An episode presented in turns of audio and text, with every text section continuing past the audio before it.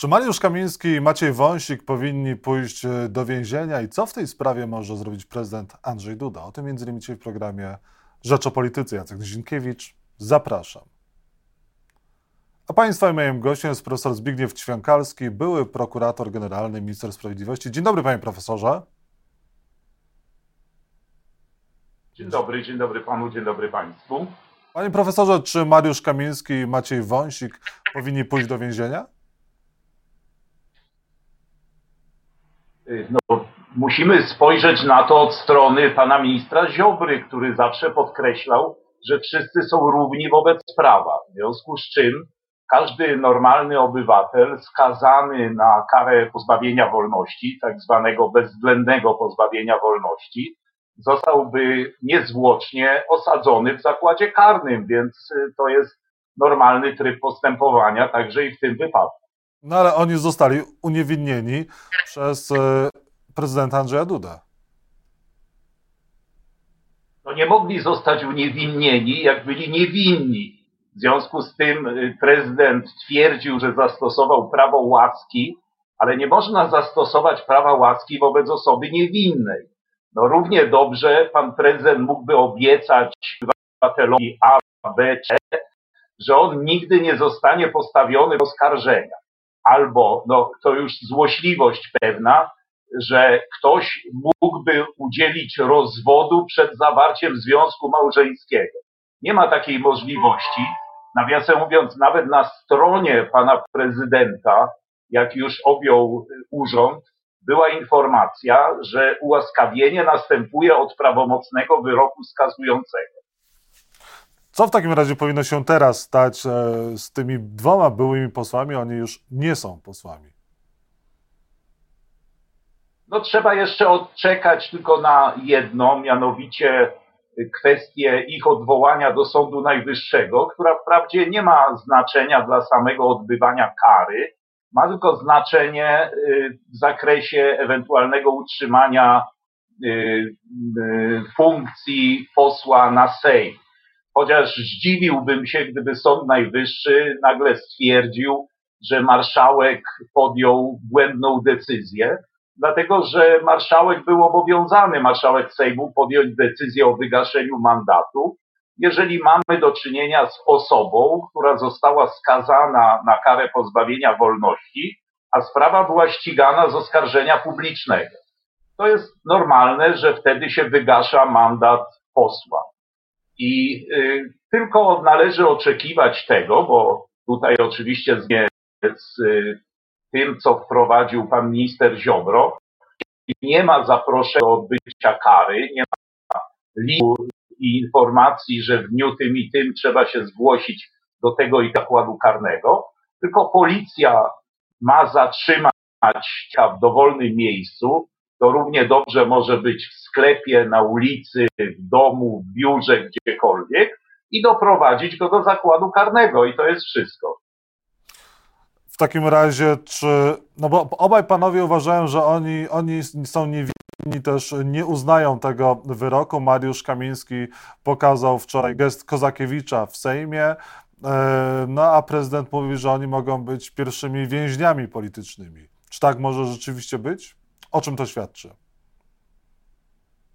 No, tu się można tylko uśmiechnąć, dlatego że Sprawiedliwość starało się nie, nie respektować żadnych zasad i sprawiedliwością było to, Prawo i Sprawiedliwość uważało za sprawiedliwość i jednak tak nie jest, żeby to partia polityczna dyktowała, co ma być sprawiedliwością. Powoli wracają normalne czasy, normalne zasady i praworządność powinna dotyczyć i obowiązywać także i ugrupowanie właśnie Prawa i Sprawiedliwości.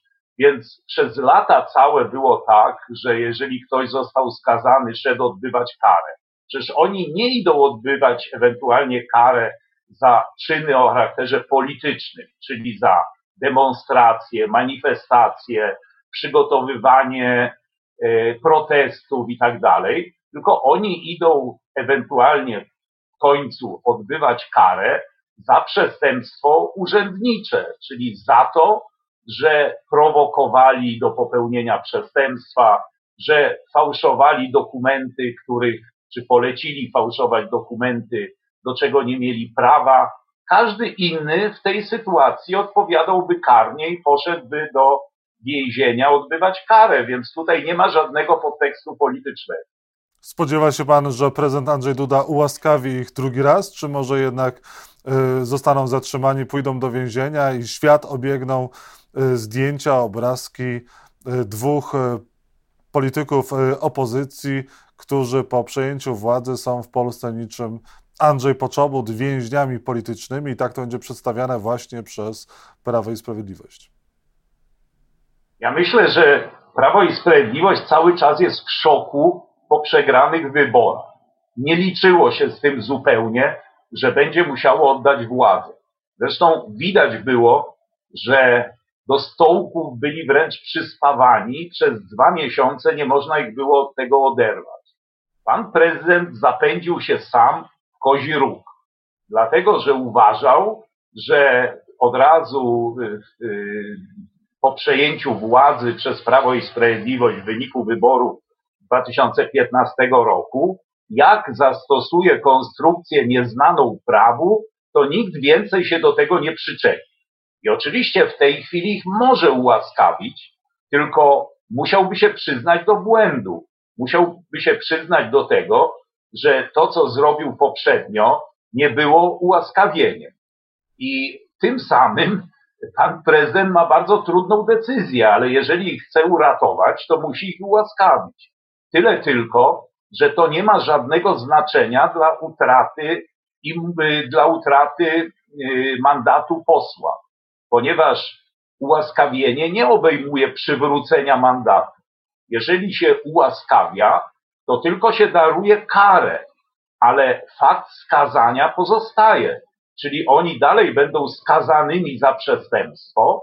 W związku z tym obligatoryjna jest utrata mandatu, natomiast nie będą odbywać kary i to jest wszystko w tej sprawie. Czy Zbigniew Ziobro powinien stanąć przed Trybunałem Stanu? Jeżeli y, y, komisja śledcza zgromadzi odpowiednie dokumenty, materiały, dowody, no to oczywiście y, zapewne tak się stanie. No, ostatnio, jak widziałem, pan minister Ziobro kpił sobie z posłów prawa y, Platformy Obywatelskiej, czy inaczej mówiąc PO-PSL, głównie, że nie byli w stanie postawić go poprzednio przed Trybunałem Stanu, że okazali się być fujarami. No w tej chwili widać bardzo wyraźnie, że polityka ciepłej wody w kranie się skończyła. I w tej chwili, tak jak zapowiadał Donald Tusk wyborcom, następują liczenia. W związku z tym takie prawdopodobieństwo oczywiście jest. A czy w takim razie sam Andrzej Duda może w przyszłości również stanąć, odpowiadać przed Trybunałem Stanu?